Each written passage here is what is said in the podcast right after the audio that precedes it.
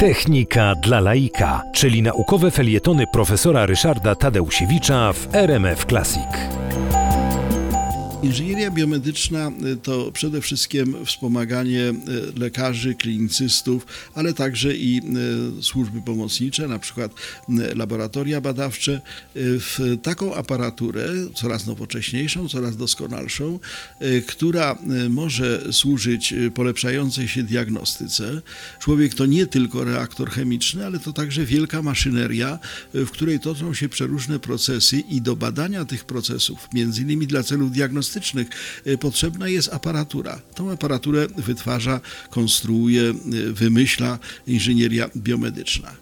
Skoro powiedziało się diagnostyczne A, czyli ustaliło się, jaki jest stan y, ewentualnej y, choroby czy jakiejś przypadłości trapiącej człowieka, no to y, kolejnym krokiem jest zrobienie tego B, czyli terapii. I okazuje się, że tutaj także inżynieria biomedyczna oferuje nowe, dodatkowe możliwości w stosunku do tego, co dotychczasowa medycyna miała do dyspozycji. Dotychczas głównie bazowaliśmy na farmakologii, czyli na biochemii, no i na operacjach, czyli na chirurgii.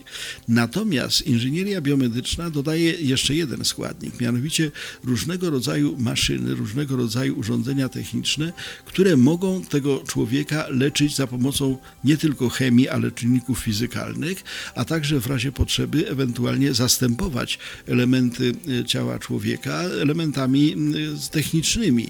No i wreszcie ogromna sfera telemedycyny, czyli zdalnego sprawowania nadzoru nad coraz liczniejszą rzeszą osób starych, samotnych, y, niepełnosprawnych ze względu na strukturę społeczną. Niepodobna tego robić rękami ludzi, czyli nie wystarczy y, ani pielęgniarek środowiskowych, ani lekarzy, żeby tych wszystkich ludzi obsłużyć. Do tego również inżynieria biomedyczna może zasadniczo się przyczynić, zwiększając ich poziom bezpieczeństwa, komfortu, no a jednocześnie nie obarczając y, nadmiernymi wymaganiami, nadmiernymi obowiązkami y, tradycyjnej służby zdrowia.